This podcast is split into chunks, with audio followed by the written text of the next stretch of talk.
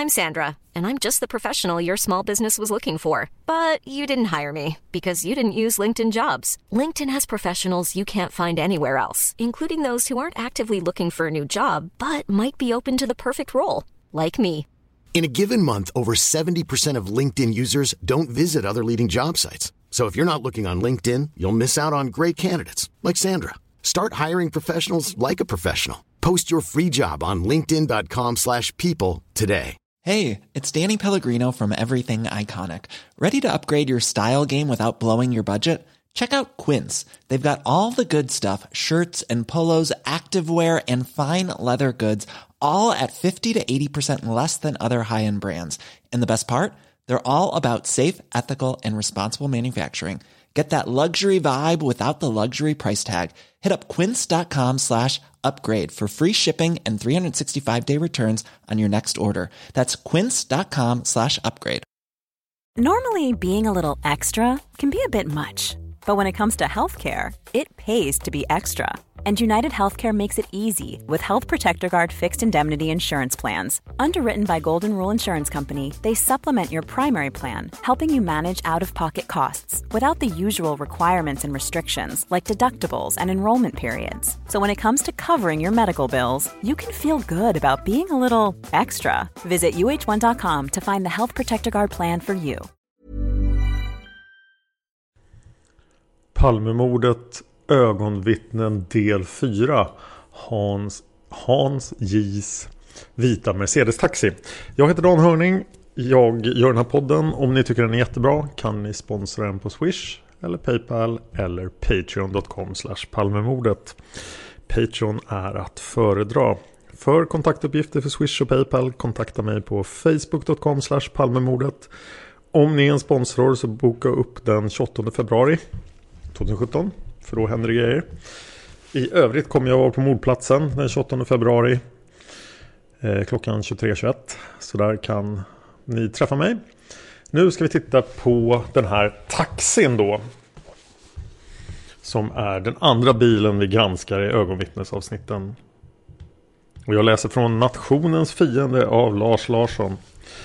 Fredagen den 28 februari sitter apoteksteknikern Lena B, 22 år, i en taxi tillsammans med sina vänner Stefan G, 22-årig student, Göran I, 23 och timmermannen Kenneth E, 23. Och Stefan G är då den här mannen som kommer att ge Palme mun mot mun-metoden. De har varit på restaurangen Lilla Köpenhamn och är efter ett kort stopp på Glädjehuset, som kåren på Holländergatan kallas, på väg till dansrestaurangen Albatross. Lena sitter längst fram på passagerarsidan bredvid taxichauffören Hans J. Kvällen har redan bjudit på en del dramatik. Anledningen till att besöket på kåren blev så kort var att kamraten Mats Å, som då var tillsammans med sällskapet, alltså Mats Å är inte ett ögonvittne. Mats Å hamnade i en ordväxling med dörrvakten. Mats var alkoholpåverkad och eh, beslutade sig arg och ledsen efter incidenten för att åka hem. Taxin har på sin väg söderut in mot den centrala delen av staden stannat för rött ljus på Sveavägen vid Tunnelgatan. Den står i riktning söderut och har alltså platsen som snart ska bli mordplatsen snett fram åt vänster. Plötsligt ser Lena en man ligga på trottoaren. Lena hinner inte tänka innan hon utbrister. Men det är ju Mats som ligger där! Taxichauffören svänger ordbart tvärs över trafiken och efter en smått olaglig usväng stannar hans vita Mercedes som första bil vid mordplatsen. Lena hoppar ur och springer fram till den liggande mannen. Hon ser direkt att mannen är skjuten och drar sig genast förskräckt bakåt in under det lilla utskjutande taket vid färgaffären Dekorima. Där sätter hon sig på huk för att återhämta sig efter chocken. Hon är inte långt ifrån att kasta upp. Ögonblicket efter kommer Stefan G från taxin fram till Olof. Väl framme tar Stefan pulsen på den liggande mannen. Han känner den svagt och lägger mannen i framstupa sidoläge. Stefan ser att det rinner mycket blod ut ur munnen. När flödet slutat börjar Stefan med mun mot mun metoden. Under tiden har Anna H kommit fram, ja, det pratade vi om i förra avsnittet, och påbörjar hjärtmassage. Stefan blir så blodig att hans, kamra hans kamrat Göran I senare inte känner igen honom. Till och med vid förhör två år efter mordet har Göran fortfarande inte insett att den blodige mannen som gjort mot mun mot munmetoden är hans egen kompis Stefan G. Taxichauffören Hans J ser delar av förloppet. Han uppger i förhör att mördaren och Olof står nära varandra. Med mördaren lite vid sidan om Olof. Lisbeth befinner sig en bit därifrån. De går inte i armkrok. Han ser inte hur gärningsmannen avlossar skotten utan bara när han står med vapnet i hand. Det ser ut som en revolver med lång pipa. Hans J betraktar gärningsmannen när han gör sig redo att fly. Han gör en minnesnotering om att mördaren har skäggstubb. Sedan vänder Hans sin bil med en U-sväng och stannar just vid Tunnelgatans mynning, bara fem meter ifrån den liggande mannen. Sedan flyr mördaren. Efter 25 meters språngmarsch vänder sig gärningsmannen helt kort om och fortsätter sedan fly mot trapporna. Hans tycker att mördaren springer med en helt unik stil, lite som en elefant, vankande, rullande med kroppen med armarna framför sig. Han springer relativt sakta som en ovan löpare. Hans kan följa honom med blicken nästan hela vägen upp till trapporna. Samtidigt som Hans bevakar gärningsmannens flykt försöker han sätta sig i kontakt med taxins sambandscentral i syfte att få dem att larma polis. Han lyckas efter en kort stund få kontakt med Solna Taxis sambandscentral. Där får han prata med Ingrid Z som i sin tur larmar polis. Hans är den enda personen på mordplatsen som ser gärningsmannens hela flykt uppför trapporna eller i varje fall nästan hela vägen upp. Han berättar bland annat att polisen kommer till platsen i samband med att gärningsmannen kommer upp till trappkrönet. Det är också i det skedet som Hans går ur sin bil. När polisens piketgrupp anländer så ropar Hans till dem att han sprang bort där Trots detta dröjer det 15-20 sekunder innan de upptar förföljandet och först efter att Hans ropat en andra gång sätter poliserna iväg. Lena B ser ytterligare en person peka ut vägen för polisen. Nämligen Jan-Åke som pekar ut flyktvägen österut in på Tunnelgatan. Hon hör honom säga Han tog den vägen. Kenneth E sitter i samma bil som Hans och Stefan. Han går också ur och är den person som enligt honom själv ägnar tiden åt att försöka hålla Lisbeth lugn så att Stefan och de andra ska kunna genomföra livsuppehållande åtgärder. När ambulansen till sist hämtat upp Olof och Lisbeth samlas gänget i taxin igen och färden mot Albatross fortsätter. Och nu ska vi gå igenom deras vittnesmål i detalj då. Hans J är ju nyckelperson eftersom han ser så mycket. Eh, Stefan G är en nyckelperson då eftersom han är den som ger, eh, eh ger mun-mot-mun-metoden. Kenneth och Göran tillför inte supermycket och Lena B är då den berömda personen som kräks vid mordplatsen. Eller ser ut som att hon ska kräkas. Och vi börjar med taxichauffören Hans J då som förhörs av Björn von Sydow den 4 mars klockan 20.30. Och iakttagelse i samband med mordet på statsminister Olof Palme vid Tunnelgatan. Hans stod stilla med sin taxibil för rödljus på Sveavägen i riktning in mot stan vid Apelbergsgatan vid 23.30-tiden den 28 februari 1986. Med sig i bilen hade han tre grabbar och en tjej. Plötsligt hörde han två skott avlossas i rak följd. Han kastade om bilen och såg då uppskattningsvis på fem meter hur en man låg på trottoaren vid Tunnelgatan. En kvinna ömsom låg över den liggande mannen på trottoaren, ömsom sprang omkring och skrek.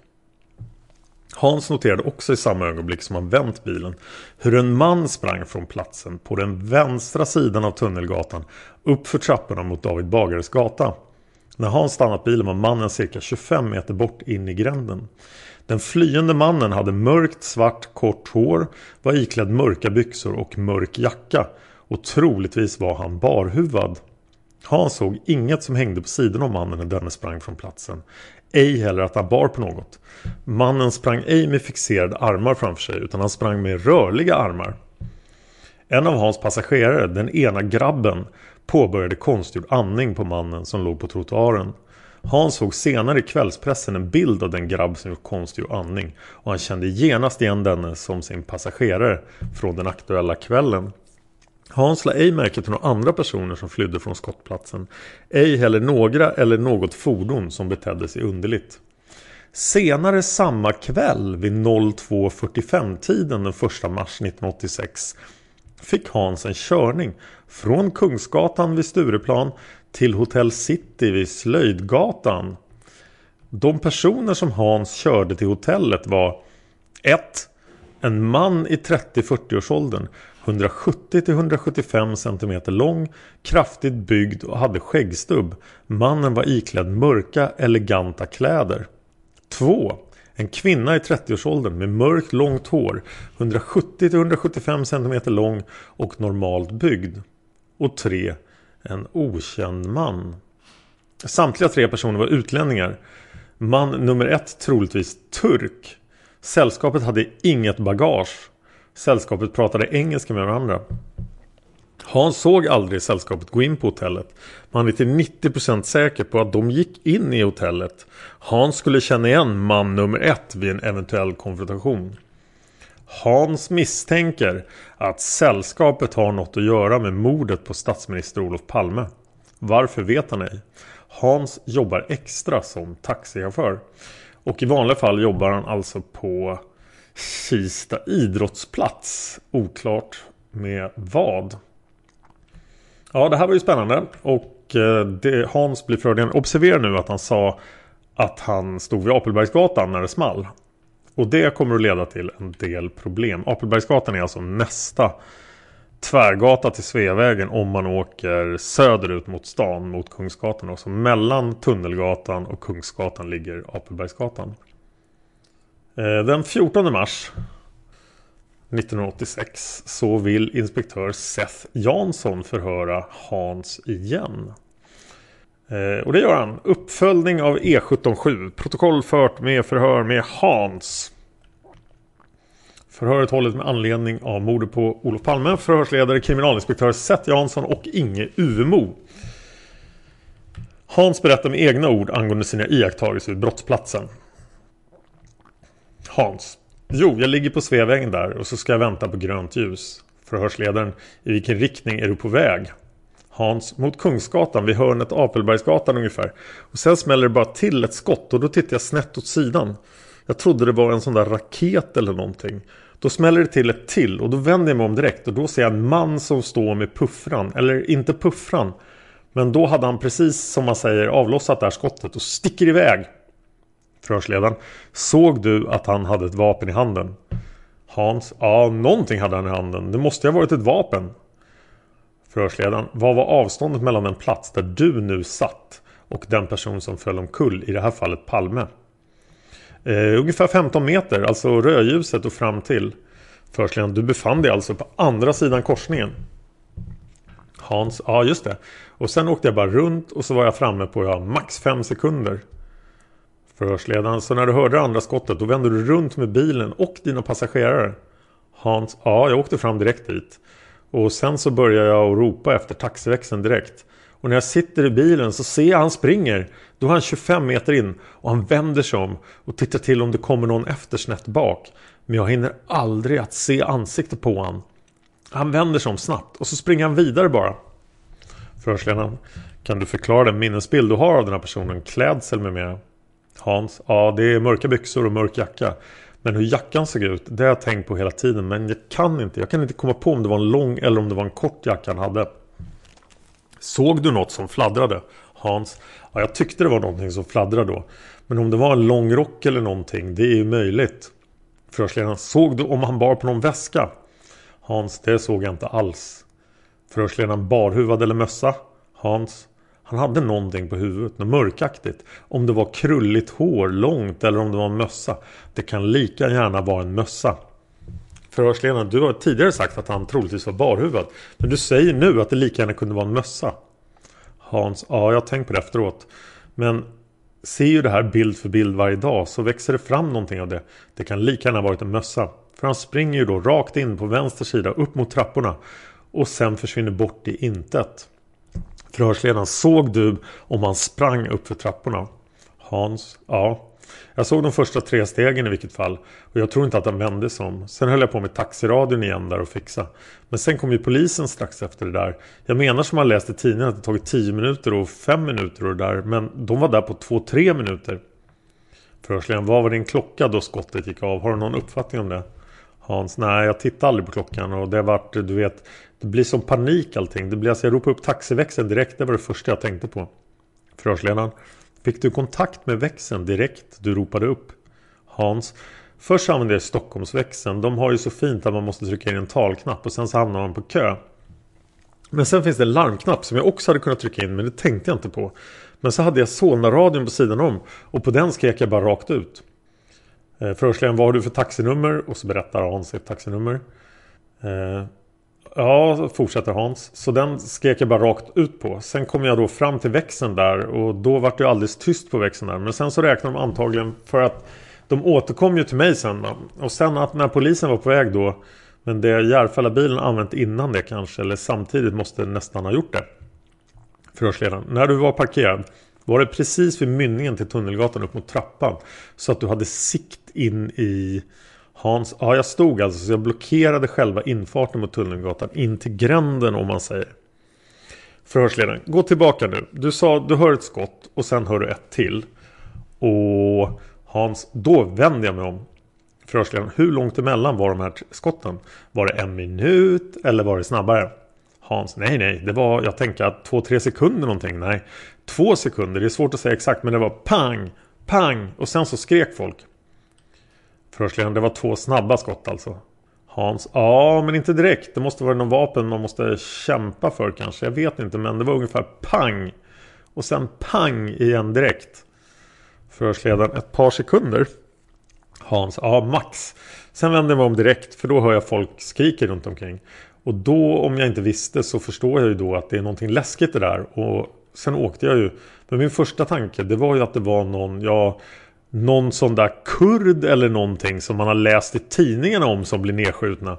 Det var ingen som kände igen honom alls när han låg där i alla fall. Förhörsledaren, när du vänder dig om här efter andra skottet, ser du då om vi säger att det är Palme ramlar ner? Eller hade han ramlat i gatan? Hans, han undrar om han inte var på väg sista biten ner då. Och då kastades han över han. Då kastade hon sig över han där då. Förhörsledaren hon, det är Lisbeth det. Eh, Hans, ja Lisbeth Palme ja. Och sen sticker han iväg då, full fart. Men när jag kommer fram va, då har han hunnit 25 meter in ungefär. Så då sitter jag i bilen och börjar ropa och ser hur han springer iväg. Förhörsledaren, såg du om någon tog upp förföljandet på honom? Hans, nej de säger att det är någon som har gjort det men jag ser ingen alls alltså på hela vägen. På hela den där raksträckan ser jag inte någon alltså.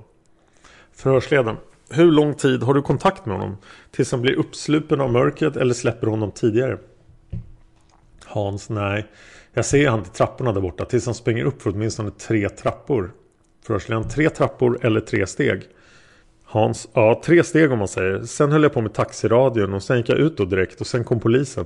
Ja, han kunde ha varit max på toppen där uppe alltså för det gick så fort. Förhörsledaren, nämnde du till polisen att han har sprungit åt det hållet? Hans, ja jag skrek ju åt den första piket som kom att han sprang bort där. Men då, då ställer sig då den här basen för gänget och ska ha vittnesuppgifter och han ska ha allt sånt där. Och då har ju gärningsmannen kutat ytterligare 20 sekunder bort. Förhörsledaren, de tog inte upp förföljaren direkt då. Hans, nej det dröjde ungefär en 15-20 sekunder innan de sprang iväg efter alltså. Och jag skrek ju bara rakt ut åt dem. Han sprang bort där. Men sen kutade de efter och då var det 5-6 stycken tror jag som sprang efter. Förhörsledaren. Såg du något annat märkbart just runt den här personen? Såg du om han eventuellt fick kontakt med någon annan när han springer?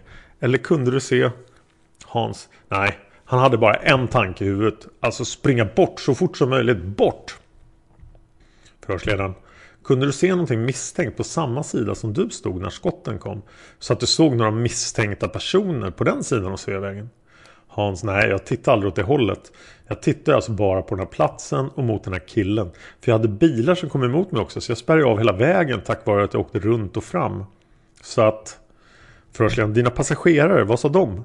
Hans, de sprang ju ut direkt. Det var strångt gjort. Den ena killen, han sprang ju fram direkt och gjorde mun mot mun metoden på han där. Och jag gick ju ur också, lyssna och titta där. Så det var ett virvar alltihop. Det var ju kaos. Förhörsledaren, i vilket läge fick du reda på att det var Palme? Hans, ja, den ena polismannen eller om det var ambulansmannen så frågade henne vad hon hette. Och då skrek hon någonting att Jag är Lisbeth, känner du inte igen Olof Palme? Skriker hon då rakt ut. Då gick jag fram och tittade. Och då såg jag att det var han. Men inte innan inte. Och det var ingen som visste om det innan heller. Varken polis eller ambulans eller någon. Förhörsledaren. Men när ni får reda på att det är Palme som ligger där. Hade polisen redan tagit upp förföljaren då efter den här?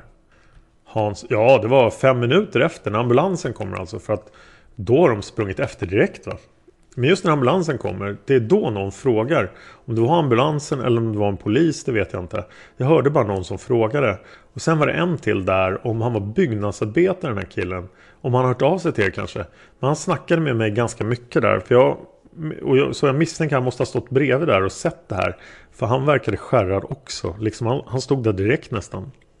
Förhörsledaren. Hur såg han ut? Hans, han hade en sån här blå arbetarblåställ någonting och rätt kraftig var han. Förhörsledaren, kan du förklara hur han såg ut utseendemässigt? Ett signalement på honom. Hans, ja rätt kraftig var han. Kraftig ansiktet också. Förhörsledaren, var han fet eller? Hans, nej nej, han var nog kraftig. Förhörsledaren, ljus eller mörk? Hans, han var nog mörkhårig, det var han. Och liksom han snackade också. Och att egentligen skulle man springa efter, sa han va. Jag tror aldrig han hade gjort det efteråt. Nej, men han måste ha sett mer än vad jag hade gjort. Förhörsledaren, verkar han virrig den här personen på något vis? Hans, den här mannen, ja han var chockad alltså. Han var ju helt knäckt han också. Nej, jag vet när han fick reda på att det var Palme så nästan föll han i gråt. Och det var hemskt alltså. Det är som en saga allting nästan. Det är otroligt. Förhörsledaren, kunde du se några personer i närheten som eventuellt hade någon walkie-talkie? Hans, nej. Min första tanke då var att åka fram till den här och jag hade bara det här rakt framför mig allting va? Men det är möjligt att det var någon på andra sidan kanske. Förhörsledaren, du lade aldrig märke till någon bil som lämnar platsen i samband med det här? Hans, nej. Det, nej. Utan jag åkte fram direkt alltså. Sen satt jag vid taxiradion hela tiden och jobbade på den. Nej, det kan jag inte göra. Förhörsledaren, har du någonting mer du tror du har som du kan ge oss? Hans, menar du just på den här punkten här uppe? Sen senare på natten, men det vet, det kan man ju bara spekulera i. Jag hade ju två stycken, två män och en kvinna som jag körde. Det heter Hotel City, men det är väl, det sa jag när jag ringde in förut. Jag kände nästan ut i ryggmärgen i det här. De har gjort något, något sånt. För samtidigt, den här killen, efteråt jag sett den här bilden på den här så tycker jag faktiskt han är lite lik men jag vågar inte säga någonting heller. Man ska ju inte vilseleda polisen heller i det här läget. Va? Men jag tycker faktiskt de är ganska lika. Och här antar jag att han syftar på fantombilden då som är ute vid det här laget. Tyvärr. Förhörsledaren, det är de här personerna som du då har kört från Stureplan till Hotel City. Hans, ja just det exakt. Förhörsledaren, du har beskrivit den mannen. 30-40 års åldern, 170-175 cm lång, kraftigt byggd, skäggstubb, mörka kläder, eleganta kläder har du sagt. Och en man du har sagt är okänd liksom. Han har inget signalement den här killen alltså. Hans. I och med att jag sett den här bilden nu då lägger man eh, tillsammans lite grann där. Förhörsledaren, den okände mannen, det är han som eventuellt är identisk med den bild som du har sett i tidningen. Hans, ja. Eftersom han gick ut och det var, han sattes alldeles bakom mig, bakom min rygg. Och så gick de ju ut då vid Hotel City. Och på just den lilla sekunden där, va, det är väl det jag har laborerat tillsammans med den här killen. Att han eventuellt kan vara, jag vet inte alls, det är bara spekulationer. Jag hade rätt i mitt samvete att det var just därför jag ringde upp på sista. Från skallen man gick och tänkte på det där, va, det måste vara han, det måste vara den där. Men det är väl uppkollat kanske, jag vet inte. Förhörsledaren. Men om vi nu går tillbaka till de här skotten igen. Det är ganska viktigt just kring det här skedet. Du säger att du vänder om efter andra skottet. Såg du klart och tydligt att den här personen som sprang ifrån platsen hade ett vapen? Ja, någonting hade han i handen i vilket fall. Förhörsledaren, du kan inte urskilja om det var ett vapen. Är du säker på att det var den killen som du såg springa som var den som sköt? Hans, ja, det är jag helt hundra på. Förhörsledaren, det är du helt säker på. Hans helt hundra på. För han står, jag ska förklara, jag ser ju alltså att han, han står ju alltså bredvid då. När det händer, då springer han. Och jag menar, han är ju tätt intill både Lisbeth och Palme. Och så springer han iväg då på gatan. Förhörsledaren, hur pass nära stod den här mannen från Ulf, från Ulf Palme? Det står Ulf Palme i förhöret. Eh, Hans, ja Lisbeth och men jag undrar om inte Lisbeth fick för att jag tror att hon sprang tillbaka där på honom och bara kastade sig rakt över honom. För att antagligen kanske han kanske gick ensam där direkt. Då. Förhörsledaren var Lisbeth några meter framför Olof. Hans, jag skulle tro det för hon kom springande och la på honom och kastade sig rakt över honom. Och hjälp min, ja, och så skrek hon men exakt vad hon sa. Förhörsledaren, låg han på marken då? Eh, Hans, då sjönk han ner sista biten va. Sen skrek alla bara runt omkring rakt ut.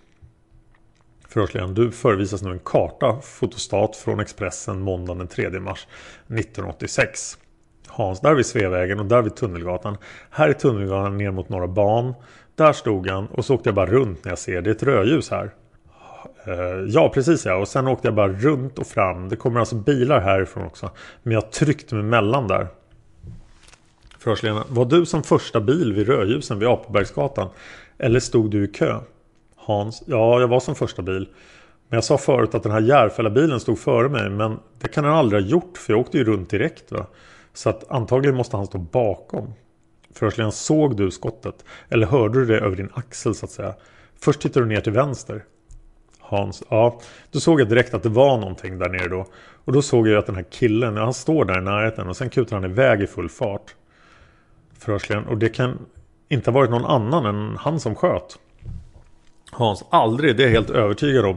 Såvida det inte fanns en massa prickskyttar på taket. Men det kan jag väl aldrig tänka mig. Men den här killen, han stod i vilket fall bredvid och han sprang iväg i full fart. Och jag menar om han inte gjort någonting, då behöver man inte springa sådär. Förhörsledaren, du berättade förut att han var mörklädd. Det enda som fattas i längden. Hans, ja, måste ha varit medellängd. Men han var inte sådär otroligt lång, det var han inte. Det är svårt, jag har svårt att uppskatta längder.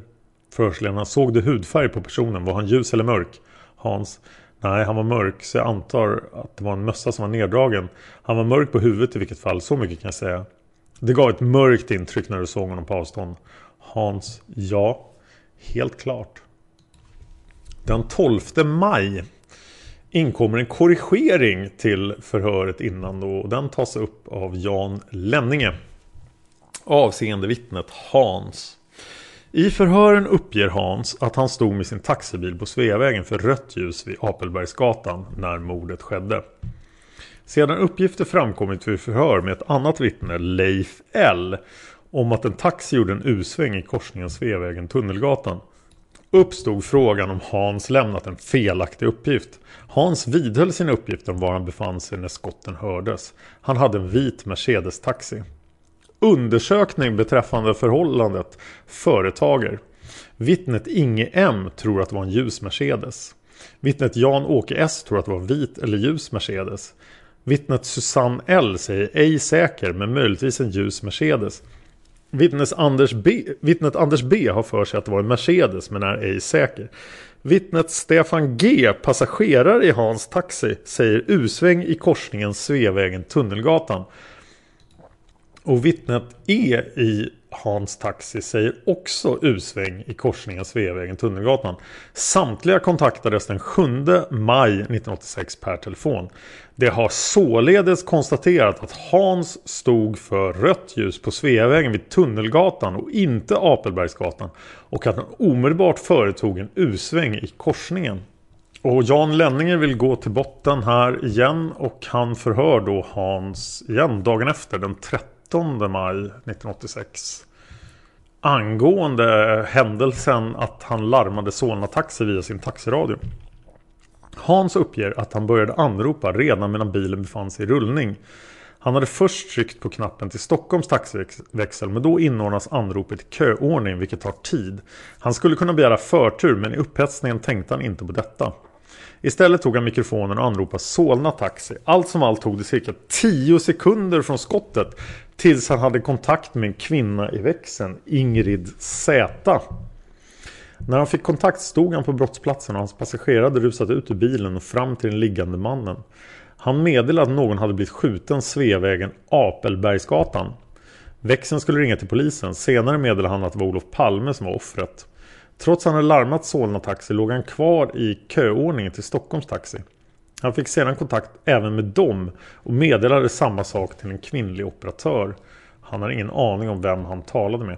Det verkar onekligen som att Hans inte vet vilka som är Tunnelgatan och vilka som är Apelbergsgatan. Inte ens i, i maj.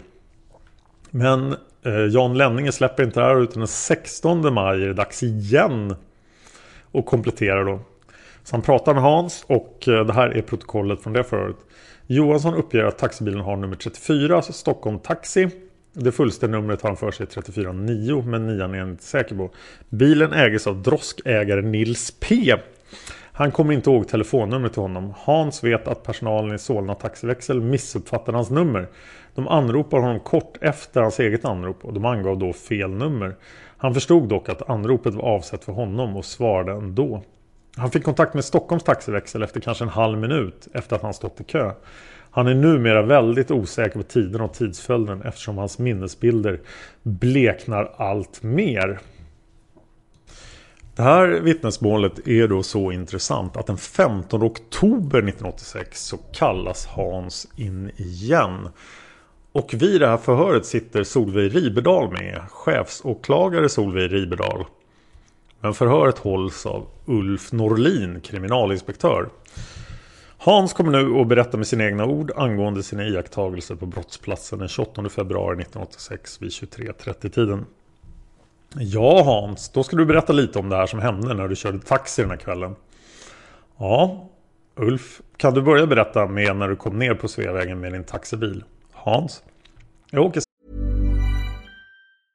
Ready to pop the question? The jewelers at BlueNile.com have got sparkle down to a science with beautiful lab-grown diamonds worthy of your most brilliant moments. Their lab-grown diamonds are independently graded and guaranteed identical to natural diamonds, and they're ready to ship to your door. Go to BlueNile.com and use promo code LISTEN to get $50 off your purchase of $500 or more. That's code LISTEN at BlueNile.com for $50 off. BlueNile.com code LISTEN. If you thought the only way to get a more defined jawline with natural looking results was through surgery, think again. Juvederm Volux XC is a non surgical injectable gel filler that improves moderate to severe loss of jawline definition and can help you achieve natural looking results with little downtime. Even better, this improved definition lasts up to one year with optimal treatment. No maintenance required. Improve jawline definition for a smooth, sculpted look with Juvederm Volux XC. For important safety information and to find a licensed specialist, visit juvederm.com. That's J U V E D E R M.com. Not for people with severe allergic reactions, allergies to lidocaine, or the proteins used in Juvederm. Common side effects include injection site redness, swelling, pain, tenderness, firmness, lumps, bumps, bruising, discoloration, or itching. There's a risk of unintentional injection into a blood vessel, which can cause vision abnormalities, blindness, stroke, temporary scabs, or scarring. Talk to a licensed specialist to find out if it's right for you.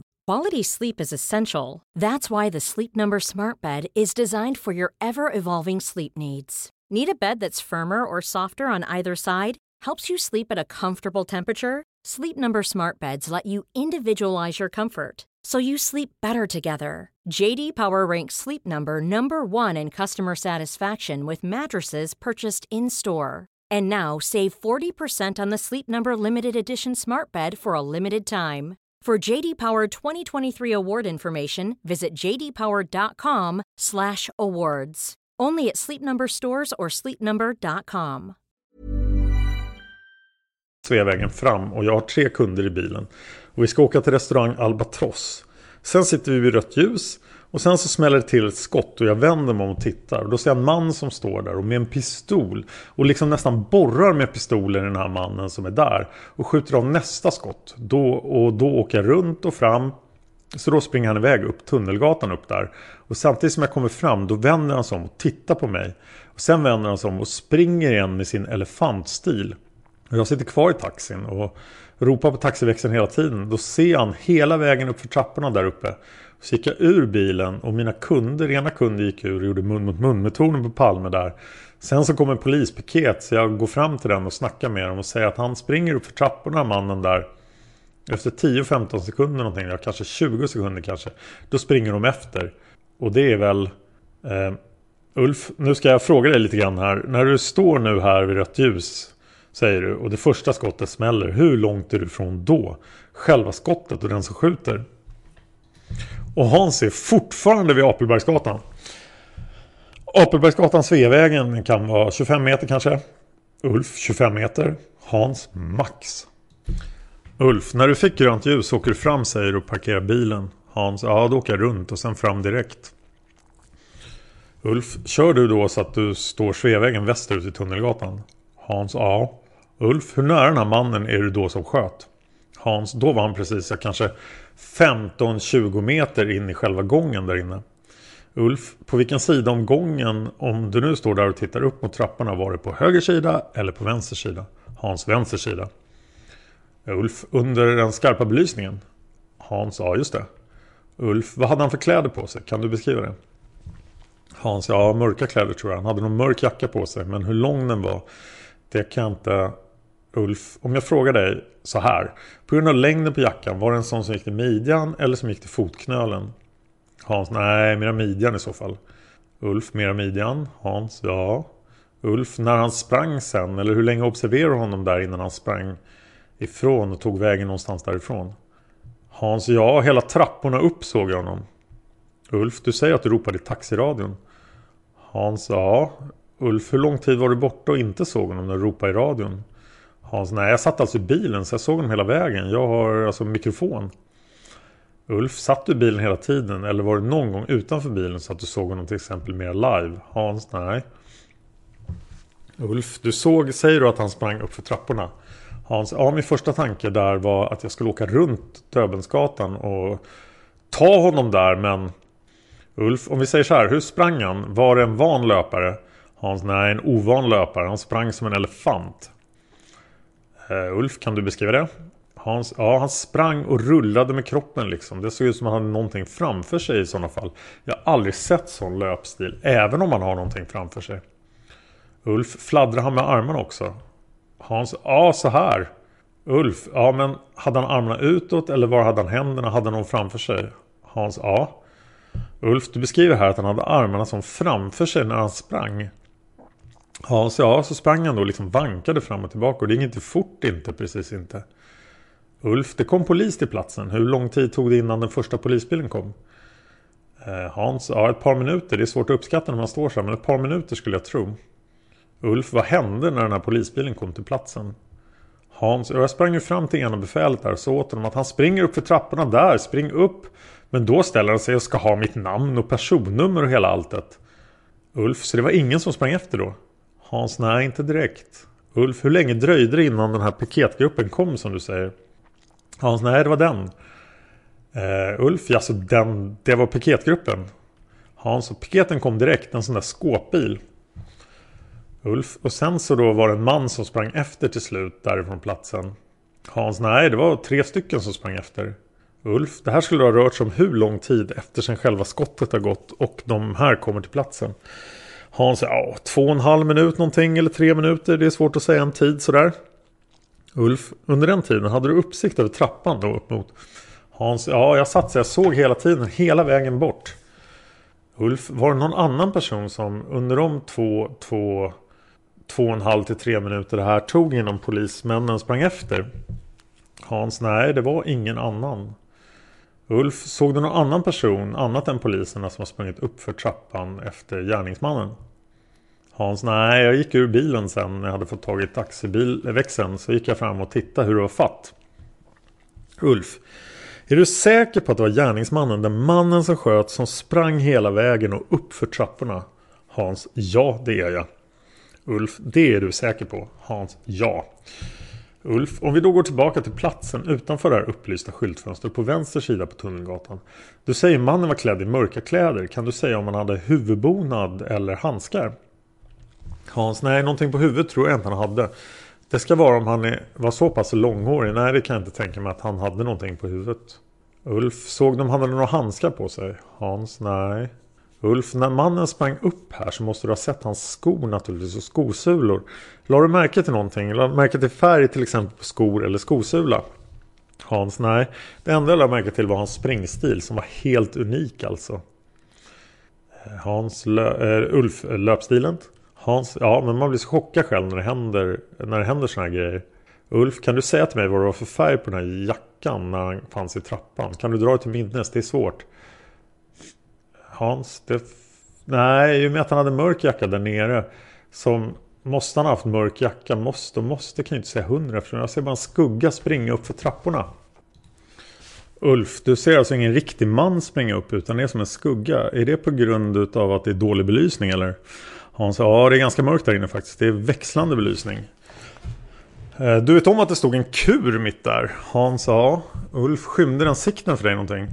Hans, inte ett dugg. Jag såg ju precis mitt emellan. Och då kommer Solveig Riberdal in och säger Jag skulle vilja rulla tillbaka händelseförloppet tills det du ser precis när du vänder om. Vad ser du då? Vad är det första du ser? Hans, när jag sitter i taxin menar du?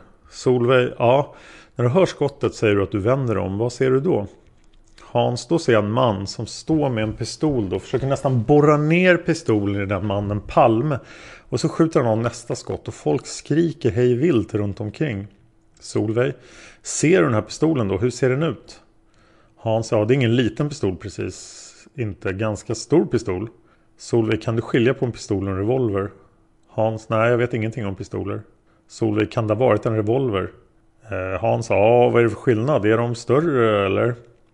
Solveig, nej de ser lite annorlunda ut. En revolver har, hur ska man förklara? Ulf, en revolver är en sån här som du ser i vilda västern-filmerna med rullande magasin. En pistol, det är en sån där man sätter upp magasinet i kolven underifrån. Hans, jaha. Ja, då var det mer en sån där vilda västern-grej. Ulf, den var bredare på mitten alltså. Hans, ja jag såg den bara på håll. Det var alltså en ganska lång grej. Det var ingen liten sån här som man har sett. Solveig, har du någon uppfattning om hur lång pipan var? Hans, nej. Solveig, om den var lång eller kort? Hans, nej den var ju ganska lång. Solveig, den var ganska lång. Hans, ja. Solveig, står Palme upp fortfarande när du ser honom? Eller har han... Hans, nej han sjunker ihop mer och mer och sen skriker folk och sådär. När jag kommer fram då är Lisbeth där som sprang ut i gatan och skrek. Men ingen hjälper henne alltså. Solveig, det du ser är då mannen som håller ett skjutvapen tätt tryckt mot kroppen på Palme. Står han bakom eller framför Palme? Han står på sidan. Solveig, han står på sidan och vad gör han sen? Uppfattar du det, mannen? Hans, han smäller av det sista skottet och sen springer han in då va? Solveig, stannar han upp någonting på vägen in mot Tunnelgatan? Hans, ja han stannar upp där när jag kommer fram och ställer min bil där. Då stannar han upp och så tittar han och ser han järnet igen och springer vidare. Solveig, är det på Sveavägen eller Tunnelgatan han stannar upp? Hans, på Tunnelgatan. Det är ju själva den här gränden om man säger. Solveig, ser du någon mer person på Tunnelgatan än den här mannen som sköt? Hans, det var ju folk omkring där men folk ställde sig och skrek där runt omkring som stod bredvid där. Så det måste ju ha stått ganska mycket folk i närheten. Och sen riktade jag in mig bara på att inte bilarna skulle komma där uppifrån. Men sen åkte jag fram direkt och då var det lite framme där och försökte hjälpa. Han som åkte med, han gick fram och gjorde mun mot mun metoden på honom. Solveig, har du någon uppfattning om den här mannen som sköt såg ut i ansiktet? Vad hade han för ansiktsdrag? Hans, nej. Men jag skulle nog känna igen honom om jag skulle se honom. Om jag skulle se honom. Solveig, det skulle du göra. Hans, jag har svårt det här med. Solveig, har du svårt att beskriva? Hans, ja det har jag. Solveig, det kan vara väldigt svårt. Hans, jag har ingen minne alls riktigt. Likadant som man ser en tecknerska som kan rita av. Jag skulle aldrig kunna göra en sån grej. Men däremot om jag skulle se en människa igen ute så skulle jag nog kunna säga att Ulf, jag tänkte här när nu det här skottet smäller. Du vet ju att det är Palme och Lisbeth Palme nu efteråt går där. Vilken sida gick Lisbeth om Palme på dem när de gick uppåt österut här? Hans, jag tyckte hon gick lite grann bakom där snett. Så att när mördaren står och skjuter då är han nästan ensam med honom. Ulf, Lisbeth Palme, går hon på höger sida eller vänster sida om Olof Palme? Hans, ja jag såg ju bara han här nu. Va? Så att efteråt så kan man ju spekulera. Första titeln man gör va. Då är det enbart på de här två som står där. Man tänker inte på att det var var alla andra människor står någonstans. Ulf, du såg inte här om de gick armkrok paret Palme eller om de gick en bit ifrån varandra. Hans, nej det kan jag aldrig tänka mig att de gjorde. Ulf, när mördaren vänder sig om här, eller mannen som har skjutit här som du säger i den här situationen, vad gör Lisbeth? Vänder hon sig om då och tittar på den mannen? Intresserar sig Lisbeth för Palme eller? Hans, hon ligger alltså på han där och skriker bara. Sen springer hon bara upp på gatan och hon kastar sig om honom direkt där. Förhörsled eller Ulf då. Observerar du att Lisbeth tittar på mördaren någon gång? Hans, nej det kan jag inte säga om hon har gjort. Att hon har gjort. Ulf, men du ser inte om Lisbeth stannar upp och tittar in mot gränden där han har sprungit. Hans, hon är så chockad så hon springer bara fram och tillbaka efter att han gått upp. Hon låg ju på honom. Hon är så chockad. Jag tror inte hon tanke på sånt heller. Hon sprang ut i gatan. Ulf, i det tips som du lämnade den 4 mars så fick du senare en körning som gick till ett hotell med tre personer i. Hans, ja just det. Ulf, du tror att en av de här, en man i 30-40-årsåldern tror du, skulle kunna vara den man som var med säger du i det tipset. Hans, ja men det gav inget resultat det heller. Ulf, nej det har inte gjort det. Eh, du blev ju inkallad till konfrontationen den 13 maj 1986. Hans, ja. Ulf, då fick du titta på en massa folk här och du säger att du kände inte igen någon åt förhörsledaren och advokaten och försvarsadvokaten som var med där uppe. Men när du kommer ner i bilen till din kamrat och han ställer dig samma fråga så säger du att det var en du kände igen där uppe. Hans, ja någonstans har jag sett en utav de männen som var där uppe. Ulf, vilken av männen som var där uppe? Hans, det var en som sprang och han var inte som de andra, han hoppade mera pajas. Den mannen har jag sett någonstans, riktigt var jag sett honom, jag känner igen honom. Ulf, kan du förklara lite grann för mig bara varför du inte ville tala om det där uppe på konfrontationen? Hans, nej jag var lite osäker och sen tyckte man att man hade lite press på sig där uppe samtidigt också. Så att, men det börjar klarna mer och mer nu. Ulf, press? Du menar att du var i en ovanlig situation som du inte har befunnit dig i tidigare? Hans, nej precis. Ulf, du kände det var obehagligt. Hans, ja advokat och åklagare och allting som. Och så hon som varit inne före mig, hon bröt ihop där inne liksom. Man, man tänkte för sig själv, vad är det man har hamnat på för något? Man ville bara ut därifrån så fort som möjligt. Ulf, du hade den känslan. Att du ville bara därifrån. Hans, ja. Ulf, du hade en liten sån där panikkänsla. Hans, ja. Det är lite obehagligt att hamna i en sån där grej. Ulf, du säger att du har tänkt på det här mycket efteråt. Hans, ja det här tänker man på varje dag. Ulf, om jag menar den här mannen som du hade sett förut. Var det någon man som ingick i din bekantskapskrets? Hans, nej det var det definitivt inte. Ulf, kan du utesluta att det var den här mannen som du såg på Tunnelgatan, Sveavägen den 28 februari? Hans, nej. Utesluta kan jag inte göra men jag har jag kan säga med 100% säkerhet att det är han. Men någonstans har jag sett honom i vilket fall. Men jag kan inte komma på vart. Jag har tänkt på det här bra länge. Men han kan även ha varit där 50% kanske. Men jag är inte riktigt säker. Ulf, skulle han passa in på den beskrivningen? Kroppslängd, kroppkonstruktion och så på den här mannen som var där? Hans, på något sätt stämmer det ganska bra tycker jag. Men som jag såg det här nu så tror jag han hade mustasch nu. Och den bilden jag har fått för mig så har han ingen mustasch alls. Ulf, du säger i första tipset att han hade skäggstubb. Hans, ja. Men det har jag tänkt på efteråt också. Det kan vara fel. Men har fått lite mer distans på den här grejen. Vad som har hänt. Så har tiden gått och man har tänkt lite mer på det va. Första veckan då var man ju chockad. Så då visste man inte. För då sprang ju folk hela tiden och snackade om det här. Men nu har det gått en viss tid. Så nu har man fått lite distans. Ulf, att du inte talar om det här för konfrontationsledaren och under konfrontationen. Det är alltså beroende på om jag har uppfattat det rätt. Du var nervös, du kände press och du ville därifrån så fort som möjligt. Du vill inte ha någon mer press på dig med en massa frågor. Hans, nej. Precis, för det är inte så roligt att hålla på med sådana där grejer. Man har aldrig varit med om. Så har man en massa åklagare och advokater. Och så var det en man till där. Ulf, var det första gången du har ställts inför åklagare och försvarare så här? Hans, ja. Jag har aldrig varit med om något sånt här förut. Det är nog obehagligt för alla människor skulle jag tro.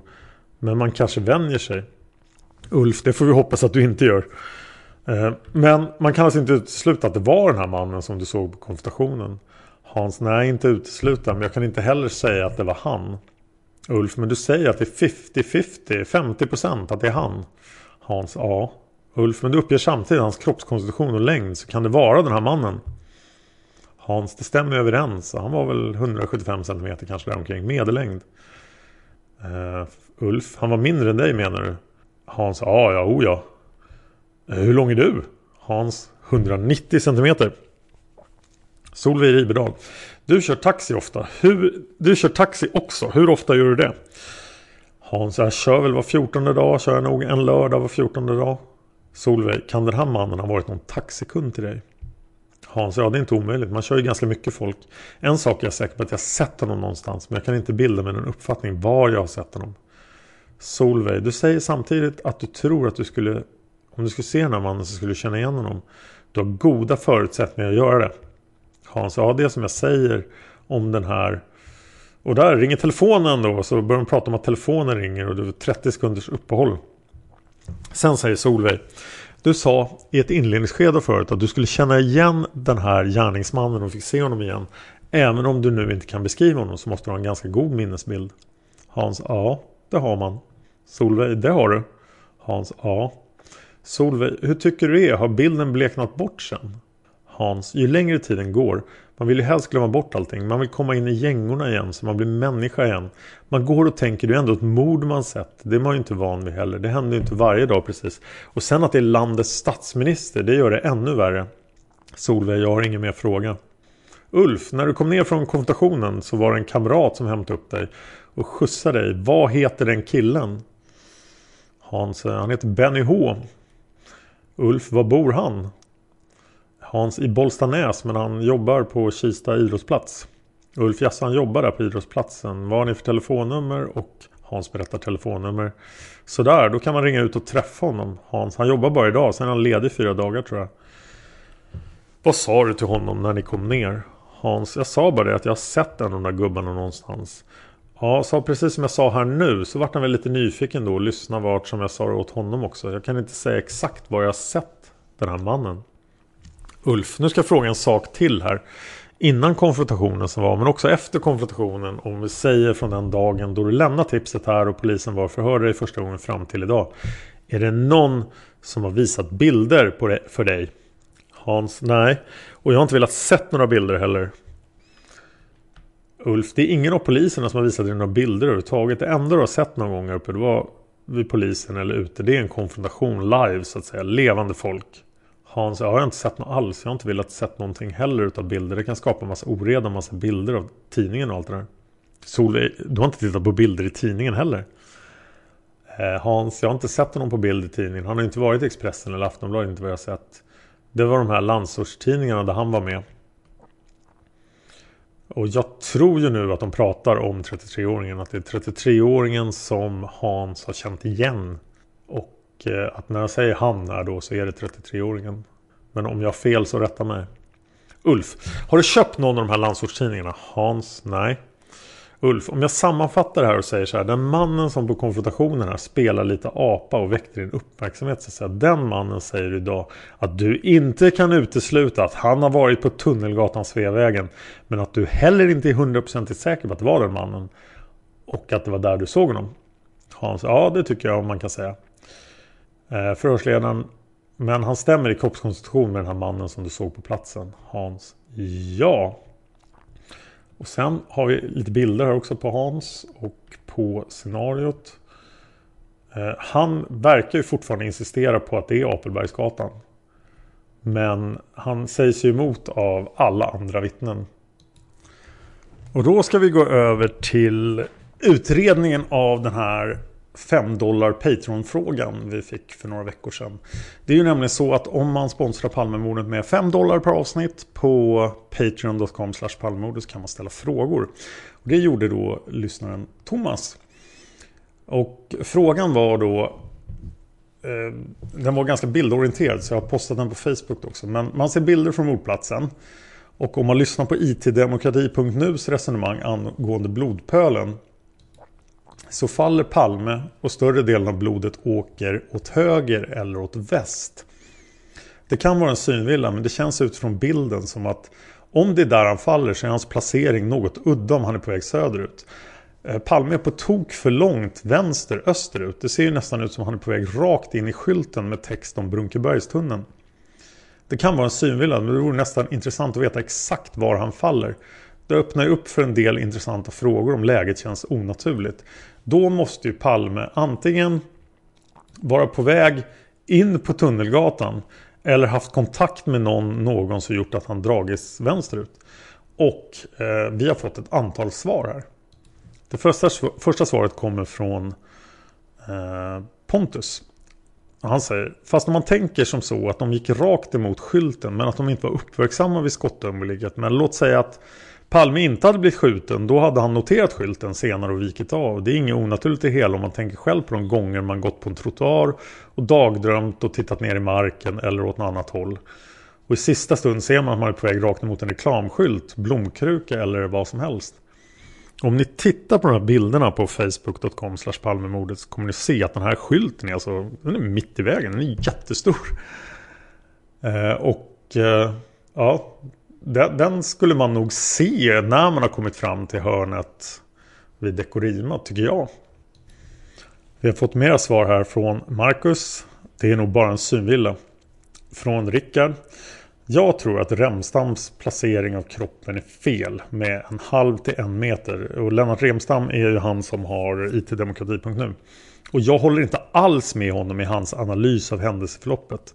En inte alltför vild gissning är att Olof Palme ligger på mage direkt efter fallet men läggs först i framstupa sidoläge för att sedan vändas på rygg innan man påbörjar hjärt och lungräddning. Vi vet inte heller i vilken utsträckning han drar med sig Lisbeth och hur det påverkar hur han till slut hamnar. Och sen en annan Marcus som säger ja, Palme har vänts över åt vänster i bild, det är ju solklart. Och sen från Petter Framförallt påverkas blodpölens utseende och position av att man vänder runt kroppen för att göra konstgjord andning och hjärtkompressioner. Och sen till slut från lyssnaren Anders håller med och sedan lutar trottoaren mot gatan så blodet borde rinna mot Sveavägen. Det var en intressant reflektion. Jag har ju stått på bordplatsen en massa gånger och det ska jag kolla nästa gång jag är där. Lutar den? Ja, och nu är det dags att förhöra Lena B. Och angående hennes förhör då så har jag bara hittat ett.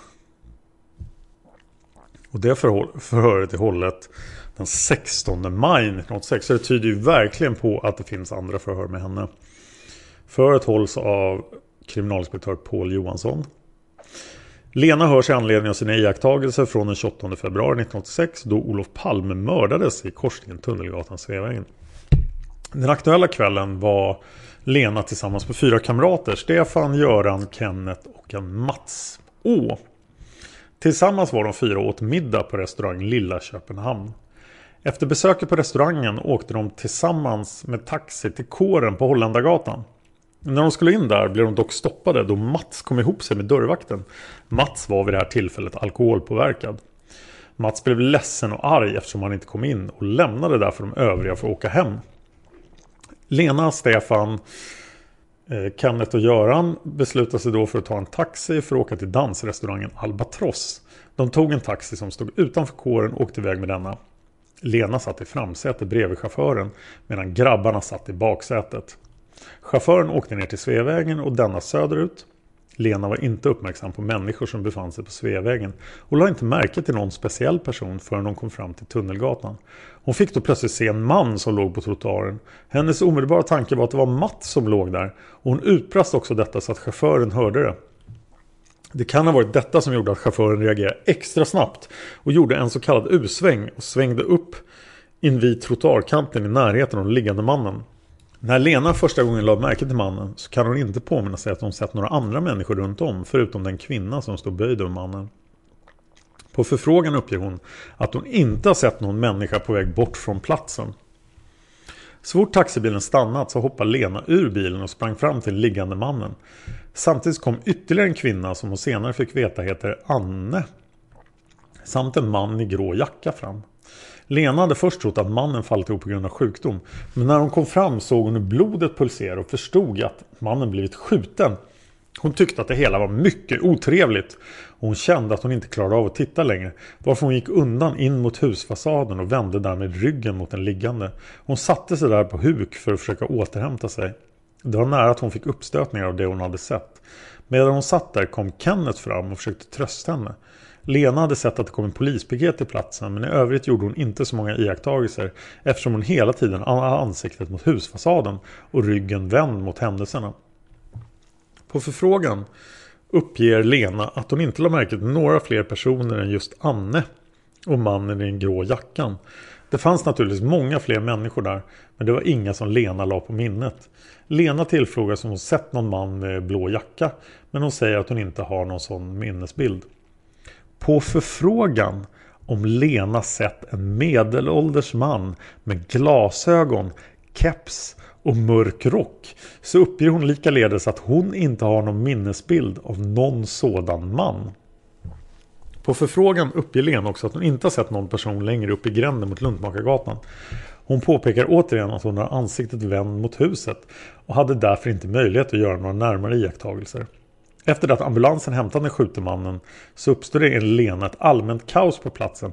Men Lena och de övriga som anlänt till taxin samlade ihop sig och satte sig i taxin igen. Varefter de åkte ifrån platsen. Lena hade inte lämnat sitt namn till polisen. De åkte sedan till restaurang Albatross som de förutbestämt. Taxin som Lena åkte i var en vit Mercedes eller en Volvo. Och hon fick aldrig reda på vad chauffören hette. Lena tillfrågades om hon hade hört att kvinnan vid den fallne mannen, alltså Lisbeth Palme, sagt någonting. Lena uppger att eh, hon hörde att Lisbeth Palme sa någonting men inte vad hon hörde. Hon hade varit upprörd och Lena fick uppfattningen att hon fick den chaufför som kört Lenas taxi och kalla på ambulans. Hon hade inte hört Lisbeth Palme säga någonting om gärningsmannen. Lena tillfrågas om hon har hört näm någon nämna vart gärningsmannen tagit vägen. Lena vill då minnas att mannen med den grå jackan hade nämnt något om att han tagit den vägen. Och därvid visat in mot gränden, alltså Tunnelgatan österut. Mannen i den grå jackan hade varit i ungefär Lenas egen ålder. Och mannen var ljushårig. Det här är förmodligen vad jag skulle ha gjort om jag hade varit där. Eh, så här, uh, vad läskigt. Kräks. Eller står och har, mår illa vid väggen och tittar in i den och missar allt. Eh, och det var allt jag hade för den här veckan. För vi fortsätter med resten av passagerarna i Hans bil i nästa ögonvittnesavsnitt. Jag vill jättegärna ha iTunes-recensioner. Så att om ni lyssnar på det här på iTunes så ge mig gärna recensioner. Det gör man enklast i själva i en iPhone eller på en iPad. Då är det jättelätt. Om ni sitter vid en dator så måste ni öppna eh, programvaran iTunes-programvaran och eh, sen söka i affären efter podden. Och där klicka på den och då ser det ut som det gör på telefonen. Palmemordet finns på Facebook. Jag finns på Twitter på Dan Horning. Och jag finns även på min personliga YouTube-kanal på Dan Hörning. Jag har en personlig Facebook-sida också. Där kan man följa alla mina projekt. Till exempel min nya succé då Seriemördarpodden. Som eh, har gått ganska bra. Palmemordet finns också på YouTube och där lägger jag upp lite extra videomaterial. Till exempel kommer jag filma där på morddagen. Om inte annat. Men det kommer lite stadigt så här olika saker på YouTube-kanalen. Och det finns mycket mordplatsvideor där. Det var allt jag hade för denna gång. Tack för att ni lyssnar. Hej, det är Danny Pellegrino from Everything Iconic. Ready to upgrade your style game without blowing your budget? Check out Quince. They've got all the good stuff, shirts and polos, activewear and fine leather goods, all at 50 to 80% less than other high-end brands. And the best part? They're all about safe, ethical and responsible manufacturing. Get that luxury vibe without the luxury price tag. Hit up quince.com slash upgrade for free shipping and 365 day returns on your next order. That's quince.com slash upgrade.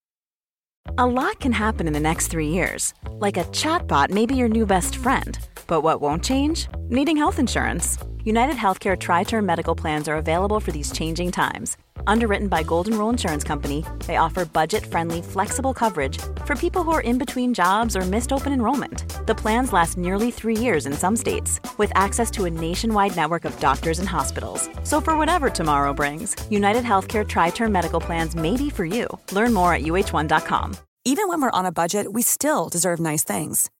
Quince is a place to scoop up stunning high-end goods for 50 to 80% less than similar brands. They have buttery soft cashmere sweaters starting at $50, luxurious Italian leather bags, and so much more. Plus, Quince only works with factories that use safe, ethical, and responsible manufacturing.